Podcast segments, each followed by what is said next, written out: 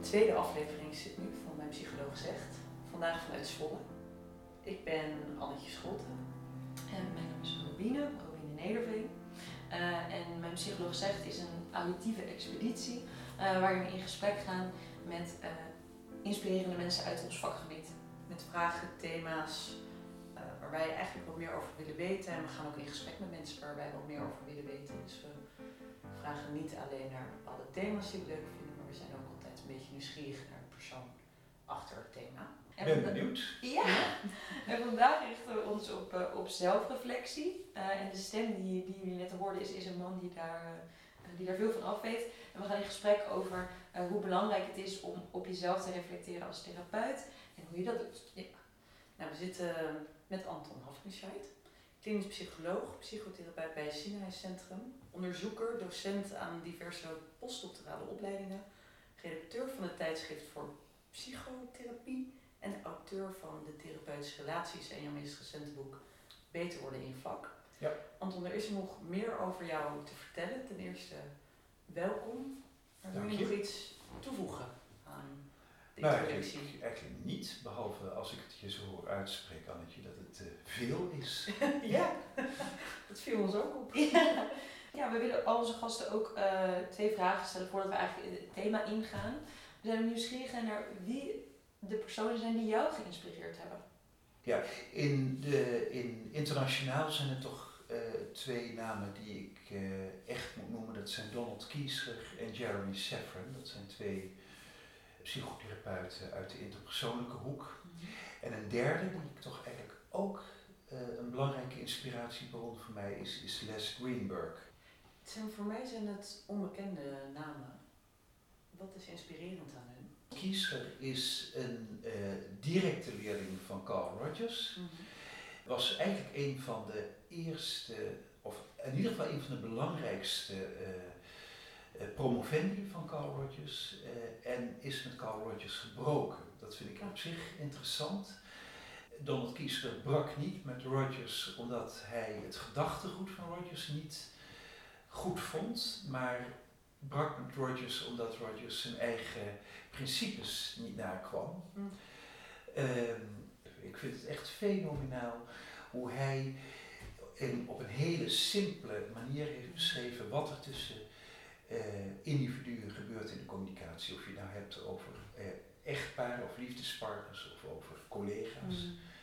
en heel veel vastlopende interacties of transacties mm. kun je met zijn systeem goed analyseren. De andere twee inspiraties. Ja. ja, Jeremy Safran komt eigenlijk uit een andere hoek, namelijk uit de psychoanalytische hoek. En heeft eigenlijk de het psychoanalytische denken gemoderniseerd door een interpersoonlijke draai aan te geven. Dus waar Kiesler een interpersoonlijke draai heeft gegeven aan het vak vanuit de cliëntgerichte hoek, heeft Jeremy Safran dat gedaan vanuit de psychoanalytische hoek. Ik moet ook, terwijl je dit zegt, denk ik ook, dit, dit zegt voor ook weer veel over jou. Nou, allergisch bent voor hè, uh, werkelijkheidsreducties, zoals je dat ook in je boek schrijft. Hè? Van, en, en dat sommige scholen of stromingen een soort de, de, de waarheid claimen in pacht te hebben. Dat jij dus ook aangetrokken wordt juist door de integratie van die verschillende theorieën of van die verschillende modellen. Exact. De integratie, en soms niet eens de integratie, ik denk dat het soms gewoon goed is van het ene model naar het andere over te stappen als je met het ene model niet uitkomt. Dat je een soort gereedschapskist hebt waar je uit kan putten en afhankelijk van wat er nodig is een gepersonaliseerde therapie in kan zetten. Ja. ja. ja. En de gereedschapskist bestaat nu vaak uit verschillende technieken. Mhm. En ik wil juist een gereedschapskist, als je die metafoor gebruikt, uh, met verschillende perspectieven. Waarbij de technieken belangrijk zijn, maar secundair. Mooi. En de derde? De derde is uh, Les Greenberg, vader van de Emotion Focus Therapy. En die heeft samen met uh, Safran in Toronto de emotietheorieën weer op de kaart gezet. Is een, is een misschien zijn er nog wel meer mensen die jou geïnspireerd hebben zo gedurende je hele leven. Maar waar we ook benieuwd naar zijn bij iedereen die we interviewen is waar kunnen jouw cliënten of patiënten jou aan herkennen? Ja, ik zou bijna zeggen, dat moet je natuurlijk aan mijn uh, patiënten vragen. Ja. ja, ik denk dat mijn uh, patiënten een zeker ongeduld bij mij herkennen. Ik, ik, kan geduldig zijn, maar ik, het zit bij mij altijd een zeker ongeduld. Namelijk, de meeste patiënten benader ik vanuit de gedachte, je leeft maar één keer en in dit leven moet, er, moet het gebeuren. Je, je, kunt geloven en denken dat er nog een leven is na dit leven. En ik moet eerlijk zeggen, ik ben eerder een agnost dan een atheïst. Ik, ben, eh, ik, hou er zeker rekening mee dat, uh, dat hierna ook nog iets, dat ons hierna ook nog iets te wachten staat. Daar gaat het niet om. Maar ik vind dat heel veel patiënten vanuit hun neurose stil blijven staan in het leven en te weinig rekening houden met dat het leven eindig is en dat het in het hier en nu moet gebeuren. Uh, dat is mijn ongeduldige kant. Ik vind, ik vind dat, dat patiënten in beweging moeten komen. Uh, tegelijkertijd sta ik, geloof ik ook wel te boek uh, um, bij mijn patiënten als iemand die ook niet snel zal stoppen. Ik, ik, ik, ik ben wel iemand die volhoudend, die, volhoud, ja, volhardend is en vooral veel tijd besteedt aan weerstandsbewerking. Wat houd je nou tegen om te doen waarvan je weet dat het moet gebeuren. Op emotioneel vlak, want sommige mensen hebben vooral werk te doen op emotioneel vlak, maar ook op handelingsniveau. Hè? En, en op communicatief niveau. Ik vind dat heel veel patiënten, dat hou ik ze ook voor, hun eigen problemen genereren door op een hele ongelukkige manier met anderen om te gaan. Ja, ik probeer het laatst even te begrijpen. Dus uh, de eigen problemen geprojecteerd worden op anderen, of dat het in de communicatie naar anderen eruit komt. En dat dus ook de omgeving er last van heeft? Of wat? Dat, dat zeker ook. Maar ook uh, de neiging hebben om de oorzaak en de instandhoudende factoren van hun problemen mm -hmm. te zoeken bij de ander. Als ah. de ander nou maar zo doet, dan, eh, dan, dan, dan, dan, dan lukt mijn leven ja. beter. Te externaliseren. Te in, in wezen te externaliseren wat je net vertelde, dat doet me ook denken aan, aan een metafoor, daar kwam een werkbegeleider laatst mee, van, uh, van het leven in de arena. En, en dat je daarin ook dus een keuze hebt, hè, van als je, uh, wil je als toeschouwer leven of wil je in die arena?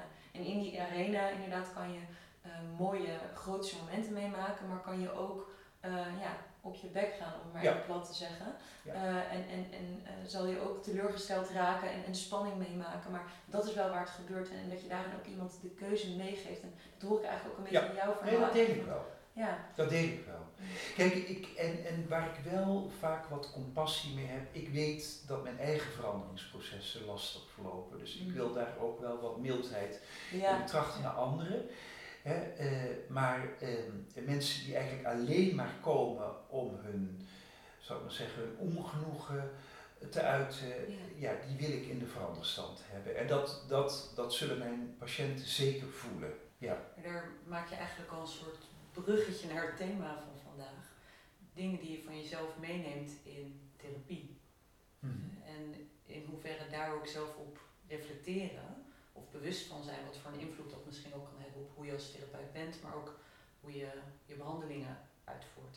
Ja. Dat je een stukje wat je, de kinderlijke vorm, wat je zegt bij jezelf, ja. je, ja. je uitbrengt. Ja. ja. Maar misschien ook een gedeelte over hoe je zelf als persoon bent en wat je belangrijk Zeker. Ja. En ook het, het, het, het proces kennen inderdaad, doordat je zelf in therapie of in supervisie zit of in dat je weet wat je van mensen vraagt. En ja, dat is ja. ook wel prettig. Ja. ja. Zeker, ik, ik wil de wereld absoluut niet onderverdelen in gezonde en zieke mensen. Mm -hmm. We hebben allemaal ja. onze eigen neurotische mechanismen, onze kwetsbaarheden. En juist door daar voeling mee te hebben met je -hmm. eigen kwetsbaarheden en je eigen neurotische kanten, mm -hmm. kun je natuurlijk veel meer empathie hebben met de ander. Maar empathie hebben wil niet zeggen dat je de ander er bij wijze van spreken mee weg laat komen. Hè? En, uh, dus ja, ik, ik, ik denk dat mijn patiënten vinden dat ik behoorlijk volhardend ben, niet snel van opgeven weet. Uh, ik denk dat mensen me ook wel betrokken, als betrokken ervaren. En dat heeft denk ik ook wel met de doelgroep te maken hoor. Ik, ik vind dat de mensen die wij behandelen in, in mijn centrum, zijn toch vaak mensen die echt wel erg door het leven zijn aangepakt. Ja, trauma. Uh, trauma, ja, ja, dorpen jeugd eh, enzovoort. Ja. ja, veel tekort zijn gekomen enzovoort. Ja.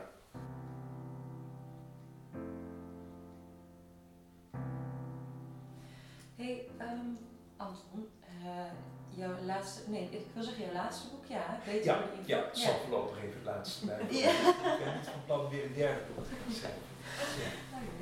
Um, het gaat ook hebben over, over systematische zelfreflectie. Uh, zou je daar voor ons een, een, definitie van kunnen geven?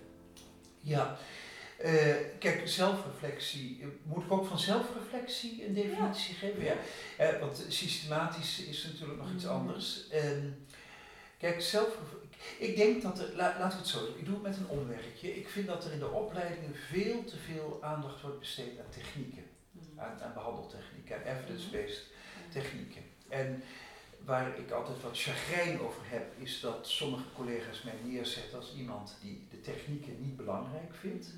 Dat klopt niet. Ik weet gewoon van mezelf dat ik technieken wel degelijk belangrijk vind. Mm. Ik kan ook uh, imaginaire exposure doen. Uh, uh, EMDR, daar ben ik principieel tegen, maar dat komt omdat ik het een verdienmodel vind. Mm. Dus ik heb dat nooit willen leren, omdat ik het, het verdienmodel me niet bevalt. Maar ik zeg niet dat EMDR niet technieken zijn belangrijk, maar technieken zijn beperkt en technieken zijn alleen maar bruikbaar binnen de context van een goede relatie.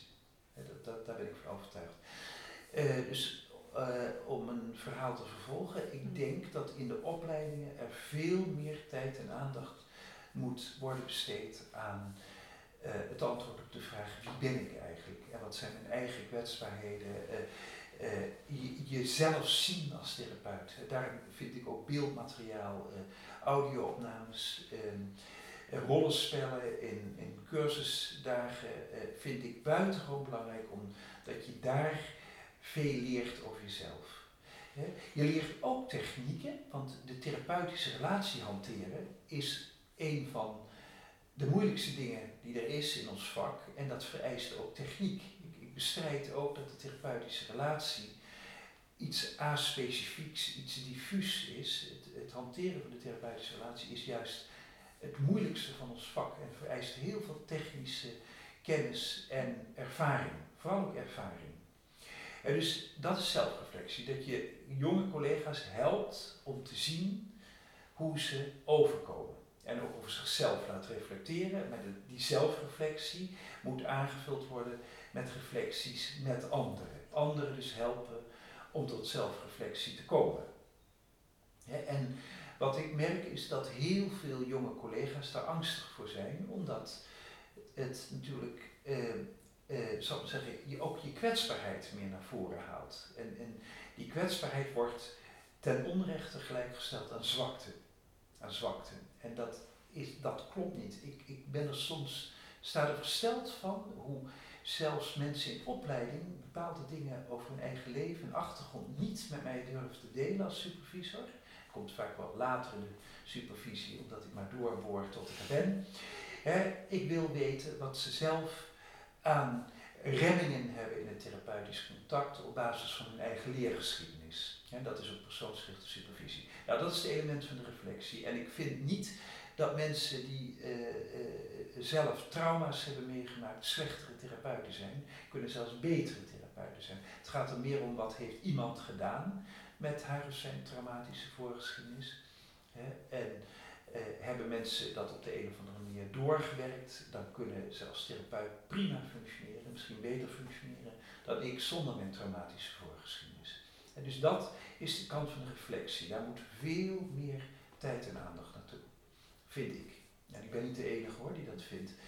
En uh, het systematische zit erin dat wij de neiging hebben, als het gaat om zelfreflectie, het een beetje open te laten. Ja, dus niet gebruik te maken van bijvoorbeeld gestandaardiseerde meetinstrumenten zoals ik in mijn boek beschrijf, die juist enorm kunnen helpen om die zelfreflectie ook een beetje richting te geven. He, een van mijn belangrijkste zal ik zeggen, bijdrage aan het vak is de ontwikkeling van een tegenoverdrachtsinstrument, dat ik overigens van Donald Kiesler heb uh, gekregen. Hij heeft mij dat uh, gezegd, nou vertaal het maar. En meten van tegenoverdracht is vaak heel helpend in de, in de onderwijssituatie, maar ook in de supervisiesituatie en ook in de gewone therapeutische situatie. Loop je vast met een patiënt, dan raad ik iedere collega aan, jong of ervaren, om een tegenoverdrachts, een gevalideerd tegenoverdrachtsinstrument in te vullen en te zien hoeveel je het oplevert als je het betrekkingsniveau daarmee wat meer naar voren haalt. Ja, ja dus daar, daarin beschrijf je ook dat het ook heel veel gaat over, de, over wat er gezegd wordt. Hè. Dus een soort van bijspreken de, de cognitieve communicatie. Dat er eigenlijk te weinig aandacht is voor hoe dat nou Exact. daadwerkelijk in de tegenoverdracht zit. Wat bijvoorbeeld onder andere door eh, de roos van Leary te gebruiken, Ja. kan je daar meer inzicht in krijgen. En dat is waar het daadwerkelijk over gaat of waar dingen Exact. vaak op vastlopen. Exact. Ja. En, het, en het voorkomt heel veel onnodig praat. Wat je veel ziet in intervisies en MDO's, nou die gaan natuurlijk meer over de patiënt, maar in Mhm. intervisies en ook in supervisies, dat, dat supervisanten, collega's heel veel praten over de patiënt, Mhm. maar eigenlijk niet praten over wat de patiënt met hen doet. En als ze het wel doen, doen ze dat vaak heel impressionistisch en anekdotisch. En mijn pleidooi is zeker niet om dat eh, impressionistische en anekdotische niet meer te doen. Maar mijn pleidooi is wel om gevalideerde instrumenten te gebruiken, waardoor je veel sneller zicht hebt op wat patiënten met jou doen. Ja, Dus bij wijze van spreken meteen de roos van Leeuwen erbij pakken en kijken. Ja. Als jij Ja. Zo in gesprek bent, welke rol neem jij dan aan? Welke rol neemt de patiënt Ja. aan? Wat doet het met jou? Ja. Wat neem je over? Of dus Ja. jouw instrument inderdaad. Ja. Het ja. Ik hoor ook een soort eh, heel erg doelgerichtheid ook wel toch in jouw, eh, in jouw bestaan of in jouw, eh, in jouw werk. Dus dat, misschien is het het ongeduld, maar dat je dan dus ook in de, in de intervisie of zo, dat je dan ook denkt van laten we het in godsnaam snel Ja. hebben over waar het over moet gaan. Nou, dat zeg je op zich denk ik wel goed. Kijk, weet je, het punt is, jammer genoeg heeft de therapeutische relatie, zeker bij de mensen van de evidence-based practice, een beetje het beeld dat die therapeutische relatie iets is als samen gezellig koffie drinken en lief zijn voor elkaar. Terwijl de therapeutische relatie een middel is en geen doel. De therapeutische relatie is geen doel aan zich. Iets anders is dat de, sommige van mijn patiënten de therapeutische relatie aan de therapeutische relatie zelf groeien. Hè. Er zijn mensen die hoef je eigenlijk niet zoveel techniek te bieden in de zin van de evidence-based practice, omdat ze dankzij de gesprekken met jou vanzelf in beweging komen. Maar dat is een minderheid. Ik, ik heb wel wat mensen in behandeling die gewoon door een goed gesprek, zal ik zeggen, vanzelf in beweging komen. Nou, dan hoef je ook geen techniek te gebruiken, zou ik willen zeggen. En gebruik ik overigens wel techniek, maar geen evidence-based technieken zoals in, in de protocollen of handleidingen beschreven staan. Nee, ik ben zeker, ik probeer doelgericht te zijn. De therapeutische relatie is een middel, een springplank om mensen in hun eigen leven in beweging te krijgen.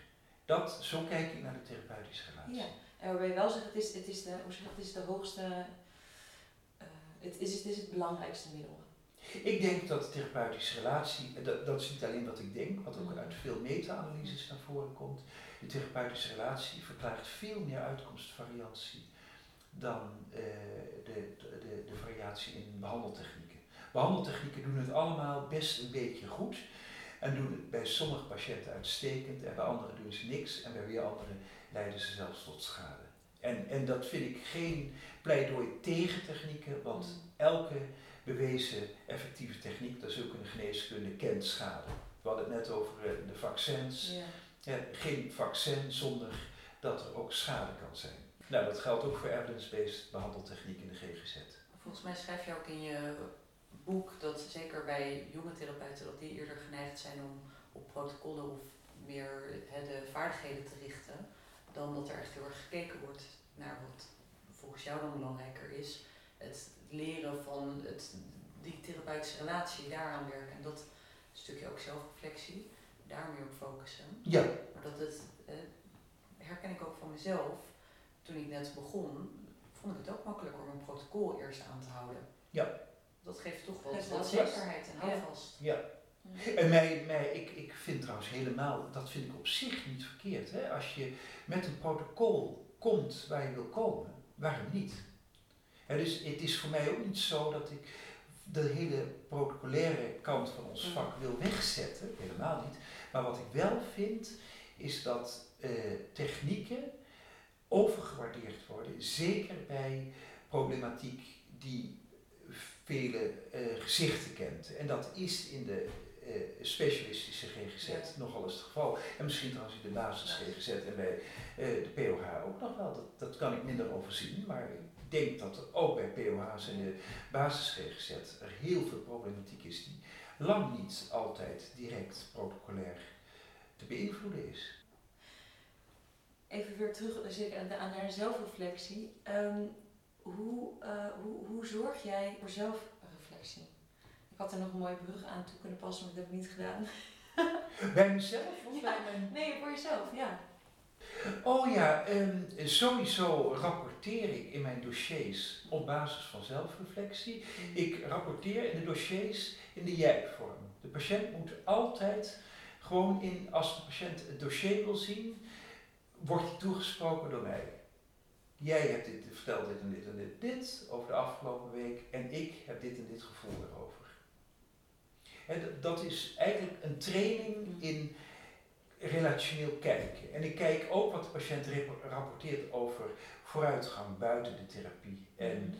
eh, wat ik voel als mm. vooruitgang, niet alleen wat de patiënt rapporteert. Soms rapport, zien patiënten geen vooruitgang waar ik hem wel zie. En zien patiënten geen stagnatie waar ik hem wel zie. Als mensen bijvoorbeeld zeggen, ik ben de afgelopen week geen angst tegengekomen, dan is mijn eerstvolgende vraag, waar ben je er wel uit geweest? Eh, natuurlijk kom je geen angst tegen buiten de deur als je niet buiten de deur komt. en dan, kunnen dan noem je dat inderdaad vermijden. dus ik probeer altijd relationeel te kijken tijdens de sessie en na de sessie ook relationeel te rapporteren. Dus ook iets over de kwaliteit van het contact te zeggen. En de kwaliteit van het contact is bij mensen die sterk tot harmonie geneigd zijn, dat ze wat conflictueuzer zijn. Dus iets meer durven om de strijd met mij aan te binden. En bij mensen die altijd de strijd met mij aanbinden, als ze wat meer harmonie laten zien. Krijgen jouw patiënten altijd toegang tot een dossier of een verslag? Uh, ze krijgen er altijd toegang toe als ze erom vragen. Maar het is niet zo. nee, en er zijn, dat is wel grappig. Er zijn patiënten die liever willen dat ik ze mail over wat er in contact is gebeurd. Ik heb dit systeem heb ik ooit uh, van Irvin Jalom een beetje afgekeken, want die doet het ook. Irvin Jalom is eigenlijk degene die het interpersoonlijke model voor groepstherapie heeft neergeschreven. En Irvin Jalom schreef dus samen met de patiënt aan de behandeling. Dat, dat moet je natuurlijk, dat kan ik mij in mijn positie niet permitteren, omdat ik gewoon een hele drukke, hele drukke dagen heb op het cine. Maar het, je, uh, het, je, je kunt je erin trainen om relationeel naar uh, de, de behandelprogressie te kijken. En steeds te kijken wat gebeurt er nu in de spreekkamer en wat rapporteert. Of en nee, en wat, wat gebeurt er buiten de spreekkamer en wat rapporteert de patiënt over wat er buiten de spreekkamer gebeurt. Dus, en dan probeer je natuurlijk steeds te kijken van zit daar nou, zitten daar nou overeenkomsten? Hè? Patiënten die klagen over hun verlegenheid zijn ook verlegen bij de therapeut. De patiënten die klagen over conflicten met iedereen, nou wacht maar af. Daar krijg je ook in de kamer. Ja, precies. Ja. Hoe kun je als psycholoog ook een beetje kijken naar zelfreflectie, maar omgaan met iemand die je doet denken aan een sleutelfiguur in je leven? En dan bedoel je eh, in, uh, in problematische situaties, denk ik? Of? Ja, bijvoorbeeld, uh, stel je voor, loopt iemand de kamer binnen die sprekend in contact, of qua uiterlijk, je doet denken aan ja, een van je ouders, bijvoorbeeld je moeder. Ja, kijk, bij uiterlijk vind ik het, ik ken het wel, jullie zullen het ook kennen, dat er soms mensen de kamer binnenkomen en uiterlijk kenmerken hebben van iemand die je heel graag mag of met wie je heel veel moeite hebt. Dat heb ik zelfs bij bepaalde namen van mensen, bij bepaalde voornamen. Dat, dat, eh, Toch associatief. Associatief. Eh, eh, eh, dat je daardoor wat gehinderd kunt worden of dat iemand een streepje voor heeft. Mm dat, dat kan. Dat vind ik ik merk eigenlijk zelden bij mezelf en ook niet bij de collega's die ik superviseer dat daar nou per se een probleem zit. Uh, wat je wel ziet is dat uh, bepaalde collega's bijvoorbeeld moeite hebben om mannen te behandelen. Ik heb al mensen in supervisie gehad die problematische relaties hadden met hun eigen broer of vader. onopgeloste uh, psychische conflicten, innerlijke conflicten, en soms ook niet alleen innerlijke conflicten, maar ook relationele conflicten, ja, dat, dat is wel een probleem. Dat moet je natuurlijk wel aanpakken. Ik heb één keer, nou dat ga ik denk ik toch vertellen, uh, dat is een beetje spannend voor mij. Ik, toen ik zelf in, mijn, in problemen kwam met mijn huwelijk, kwam ik in een groep een vrouw tegen die in haar stijl precies mijn ex is. En, wat bedoel je met stijl? Uh, nou, wat ik vond is was dat zij heel veel de neiging had. Ze, ze was overmatig emotioneel. Dat vind ik mhm. eerlijk gezegd zelf altijd erg leuk. Mhm. Ik hou erg van erg emotionele mensen. En dat, die, hebben altijd, die hebben bij mij altijd een streepje voor. Maar wat zij deed was heel sterk de ander uh, uh, beschuldigen van haar pijn. Mhm. En, en ze was echt, ze was, lag ook in scheiding. En dat, dat was bij mij toen ook gaande.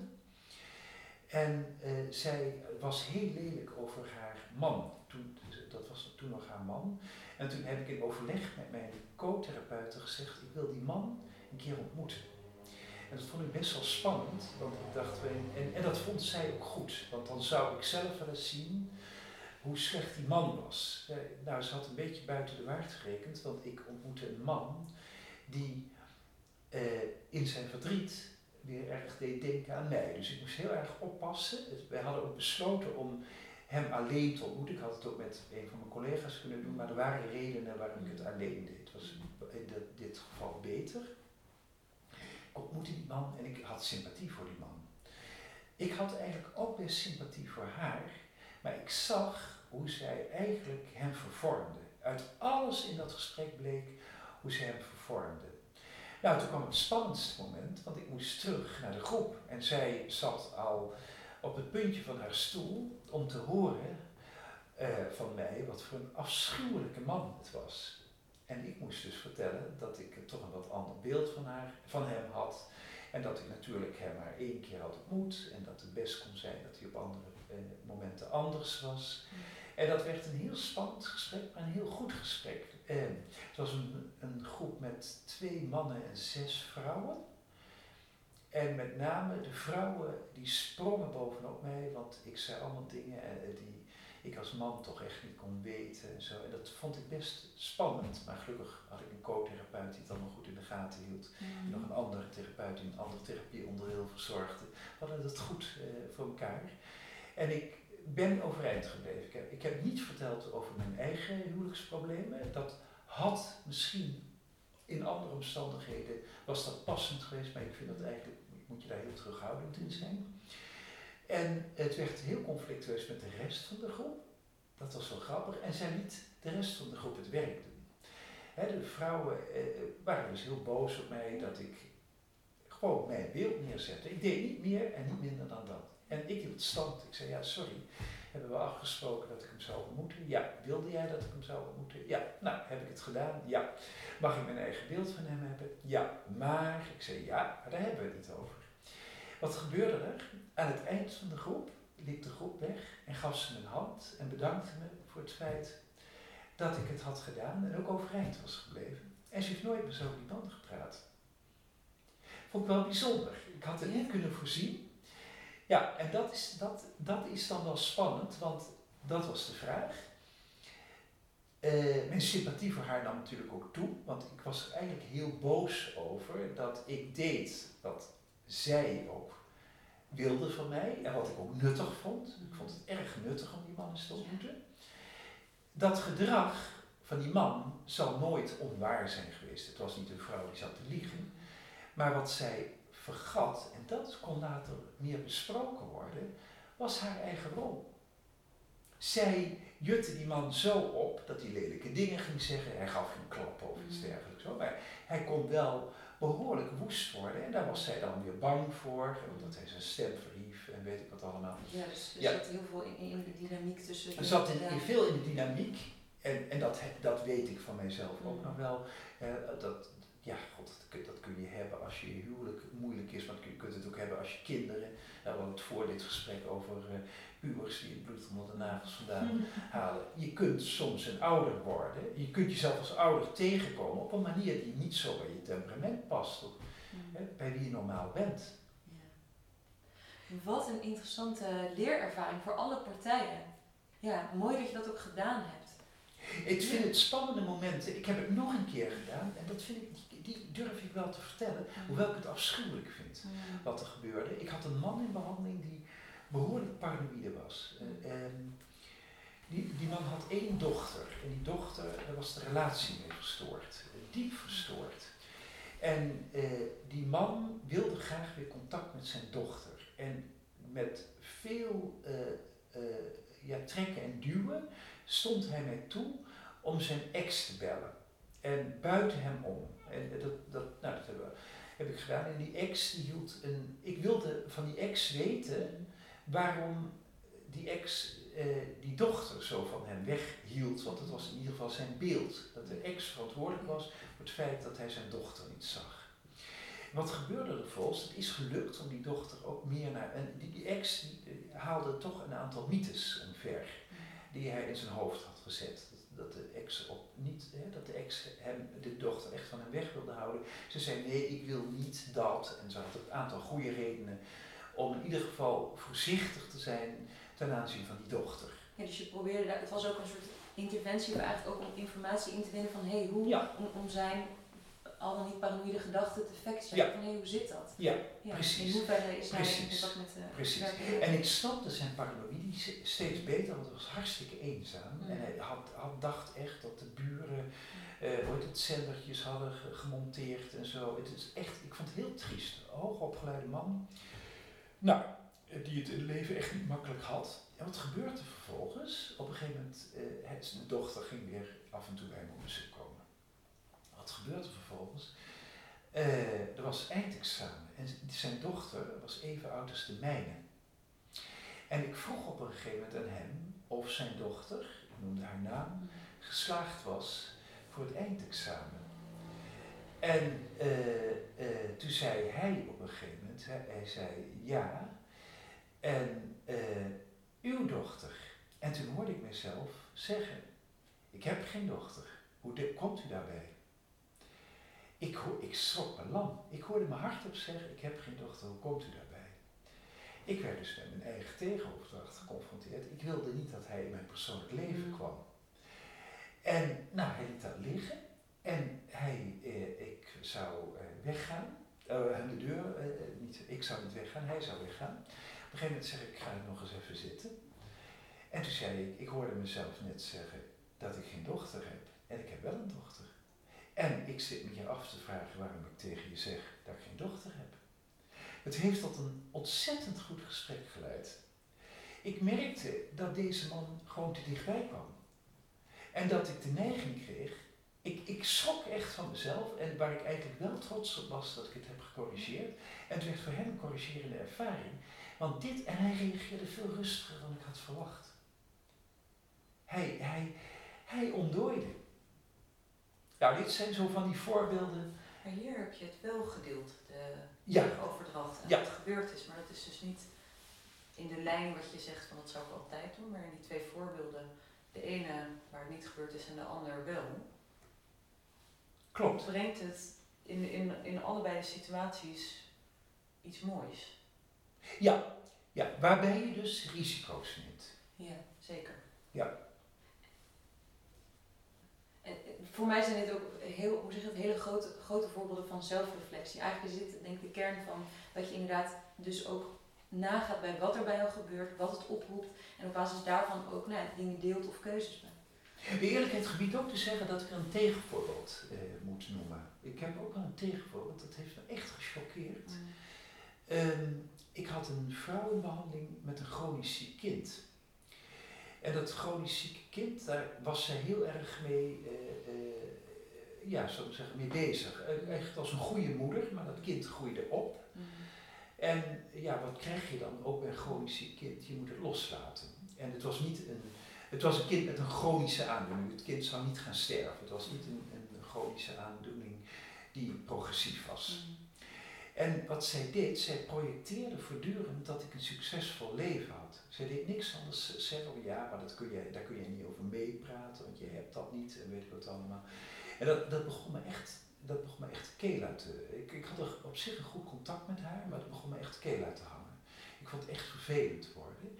En op een gegeven moment zei ik tegen haar, eh, hoe kom jij er zo bij uh, dat ik geen chronisch ziek kind heb? Nee, ik had geen chronisch ziek kind. Ik zei, ik moet je iets vertellen. Ik heb wel een chronisch ziek kind. Een kind met een chronische aandoening. Een kind met een chronische aandoening. En wat gebeurde er vervolgens? Ik vertelde daar wat over. Er ontstond nabijheid. Maar het lukte mij niet meer nadien om de therapeutrol weer te pakken. En dat vond ik heel vervelend. Die therapie heb, is ook afgebroken. Zij wilde ook vriendschap met mij, want we stonden heel dicht bij elkaar en weet ik wat allemaal. Dat is een heel verhaal. En daar was ik duidelijk over. Dat doen we niet. Dat doen we niet. En uh, daar liep het dus mis. De zelfonthulling was bedoeld om ons dichter bij elkaar te brengen, maar voor mij natuurlijk niet bedoeld om de, de, de behandelrelatie om te zetten in een vriendschapsrelatie. Die ambitie had ik totaal niet. Hoewel ik wel uh, me had kunnen voorstellen als wij elkaar in een andere context hadden ontmoet. Dat wij bevriend waren geweest. Stel dat ze uh, buren, dat we buren waren geweest. Dan denk ik dat ik echt een leuke buren naar haar had gehad. Maar ik wilde het niet. Ik wilde het niet. En zij eiste het op. En ik, toen ging ik ook dwarrelen en, en zwenken, want ik zei, op een gegeven moment hoorde ik me ook zeggen dat het volgens de beroepscode mocht. En toen is zij alle beroepscodes, ze heeft opgezocht welke, eh, van welke specialistische psychotherapievereniging ik lid was. En zij kwam triomfantelijk vertellen dat het wel mocht en dat ik mijn beroepscodes niet eens kende. Ja, en toen heb ik gezegd, luister, ik geloof dat er wel wat maanden tussen moeten zitten, misschien zelfs een mm. jaar, dat, uh, dat hou ik te goede. En toen heb ik gezegd, ja, je hebt gelijk, ik gebruikte een smoes om je te vertellen dat ik het gewoon niet doe. En daar liep de therapie vast. Ja.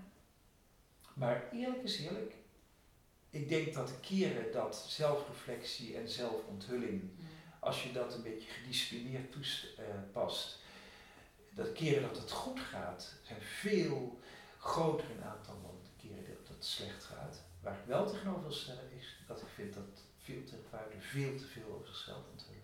Te veel zelfdisclosure. Veel te veel zelfdisclosure. Ja. Want het zou ook schadelijk kunnen zijn. Vind ik wel. Zeker als het meer de behoefte van de therapeut is. Ja. dus dat is eigenlijk de, de rode, hoe dat de de bovenhangende vraag die je jezelf altijd kan stellen van is het uh, ten dienste van de cliënt of is het uh, in... ja. ja. ja, een beetje flauw voorbeeld. Ik vertelde jullie over die cursus in Toscane die wij gaven. Mhm. En er zei iemand, zei een patiënt tegen mij, uh, fijne vakantie. En dan hoor ik mezelf zeggen, ja maar het is geen vakantie, ik geef daar cursus. Ik dacht, wat zit je nou te vertellen Anton, wat een onzin. Dit is eigenlijk meer een soort ijdelheid van mij. Het is totaal niet belangrijk of het vakantie is of cursus. Voor de, de, voor een patiënt mm. heeft dat geen enkele meerwaarde om dat te corrigeren. Ja, dus die correctie maak je dan voor jezelf.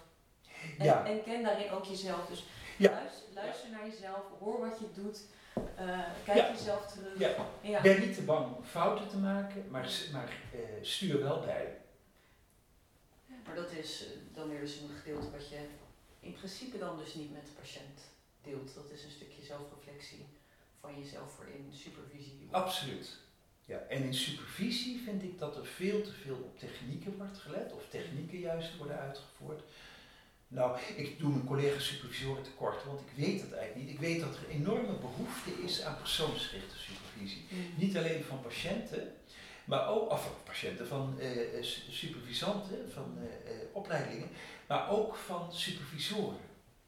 Dat ik, als, als je in het informele circuit hoor je dat altijd van supervisoren, terwijl formeel en naar de buitenwacht toe wordt er vooral gezegd dat mensen ook goed getraind moeten worden in, in de technieken. En dat bestrijd ik ook niet. Maar het trainen in technieken is volgens mij training en niet per se supervisie.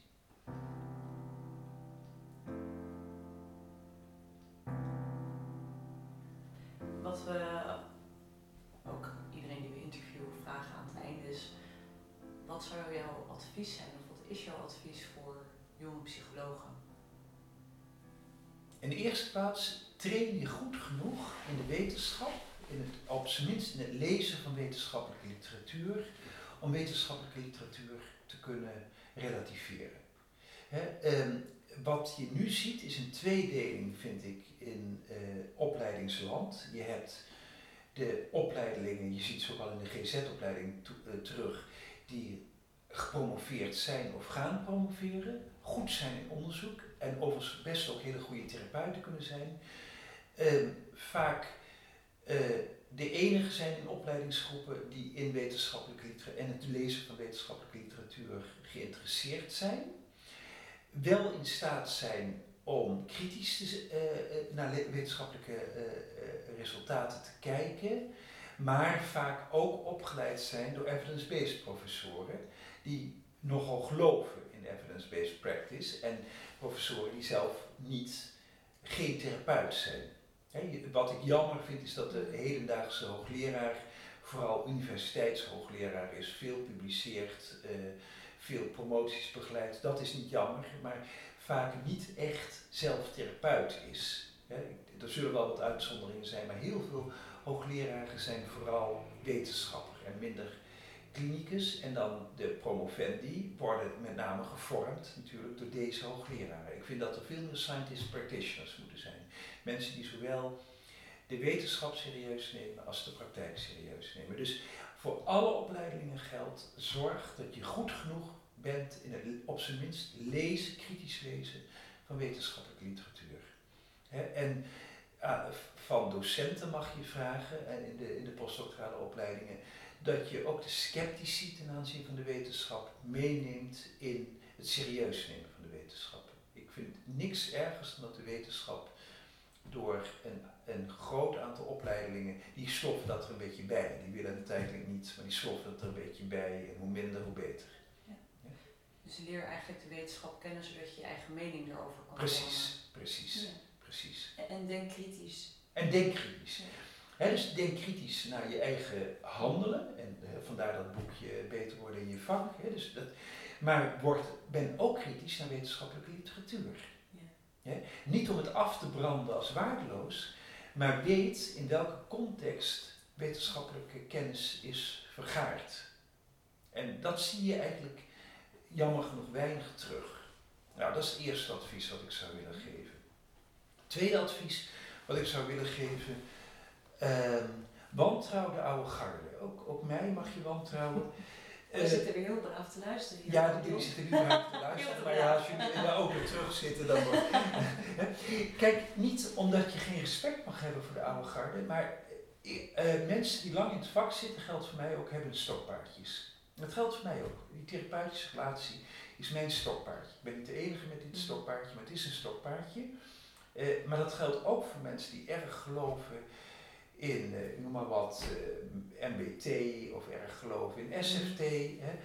Ons vak heeft ook wel een beetje een religieus gehalte. Hè. We hebben een, een eigen, uh, ja, zou ik zeggen, onze eigen kindjes, onze eigen stokpaardjes. En het leuke vind ik van ervaren docenten, als ik ze zie op workshops of zelf eens een keer ergens aan deelnemen aan een cursus, mhm.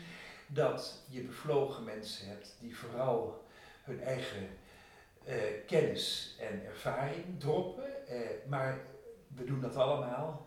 Dat geldt voor mij ook alsof het de enige manier is om naar de werkelijkheid te kijken. dus ontwikkel. laat ik het zo zeggen, ik vind het jammer dat veel jonge mensen geen idolen meer hebben. Ik vraag het ook wel eens aan mijn eigen kinderen. Wie zijn nou jullie idolen? Ik had vroeger idolen in het vak. dat waren niet per se die grote wetenschappers die we net noemden, maar ook mensen, mijn eigen supervisoren waren soms echt idolen. Die, dat, leuke mensen die het op een hele leuke manier deden. En dat waren, die idolen die waren vaak niet eens van hun eigen richting. Eh, dus zoek je idolen, zou ik zeggen, maar relativeer ze tegelijkertijd. Weet dat jij een idool maakt van deze collega's. Het zijn gewoon mensen van vlees en bloed, net zo kwetsbaar als jullie, als jongeren zijn. dus het mes snijdt aan twee kanten. Geniet van de idolen, maar uh, weet ook dat ze, uh, dat ze maar een deel van de wijsheid in pacht hebben. Dat, dat zou het tweede zijn. Ja. Kijk, vanuit mijn eigen model zou ik zeggen, uh, train je zo vroeg, vroeg mogelijk in het hanteren van de therapeutische relatie. En wat mij zelf erg geleerd heeft, vroeg in de opleiding, is ga in de GGZ werken zoals bijvoorbeeld de mensen dat doen die groepsleider zijn in de Van der Hoeven Kliniek. daar heeft men een model waar met GZ'ers, of hoe heet het, net afgestudeerden, beginnen in, in, als groepsleider en later door, of sociotherapeut en later doorstromen naar een GZ-opleiding. En je kunt het ook op een andere manier doen. Sommige mensen doen wat dat betreft mensenkennis op in de horeca of, of in, de, in de verpleeghuizen. Doe iets waardoor je ook gewoon mensenkennis vergaart. En sluit je niet alleen op in je eigen, uh, zal ik maar zeggen, uh, sociale subcultuur. dat, dat zou ik ook willen meegeven. Uh, heb een beetje lef en durf te falen. Dat is van wat ik. Hè, ik, ik heb cursisten die gewoon lef hebben, mij benaderen en dan, nou ja, dat heb je misschien zelf ook gedaan, Robin. Mhm. gewoon denken van, nou, ik, ik, ik, ik wil, ik, ik, ik wil met die vrouw of man spreken en ik wil er eens iets over horen. Dat heb ik vroeger zelf ook gedaan, dat vond ik zelf eigenlijk altijd heel leuk. En ik weet, weet dat de meeste ervaren collega's daar ook best wel vereerd zijn, laten we eerlijk wezen, ook ervaren collega's zijn ijdel. Eh, dus heb een beetje lef, durf te falen. En uh, dat is iets wat ik jammer vind aan de jongere generatie. Ik vind het lesgeven aan de jongere generatie heel leuk. Maar ik vind de jongere generatie ook iets perfectionistisch en krampachtigs hebben. Mm. Het moet ook allemaal goed gaan. En ik snap dat als je nou op de IC werkt of op de OK, hè, als AJOS, dat je heel erg uit moet kijken dat je niet een klein foutje maakt. En dan moet ook alles volgens het protocol. Ik ben dolblij dat er de somatische geneeskunde protocollen bestaan. Maar bij de meeste problemen die wij in de GGZ hebben, gaat de patiënt echt niet dood als je eens een keer een fout maakt. Zelfs niet als het een vrij grote fout is. Ik denk dat wij veel te correct proberen te zijn en daarmee iets vormelijks krijgen in onze omgang met mensen die juist gewoon op zoek zijn naar authentiek contact. je maakt eigenlijk in je advies bijna een soort driedelig stappenplan. Eén, verdiep je in de wetenschap zodat je ook weet waar je het over hebt.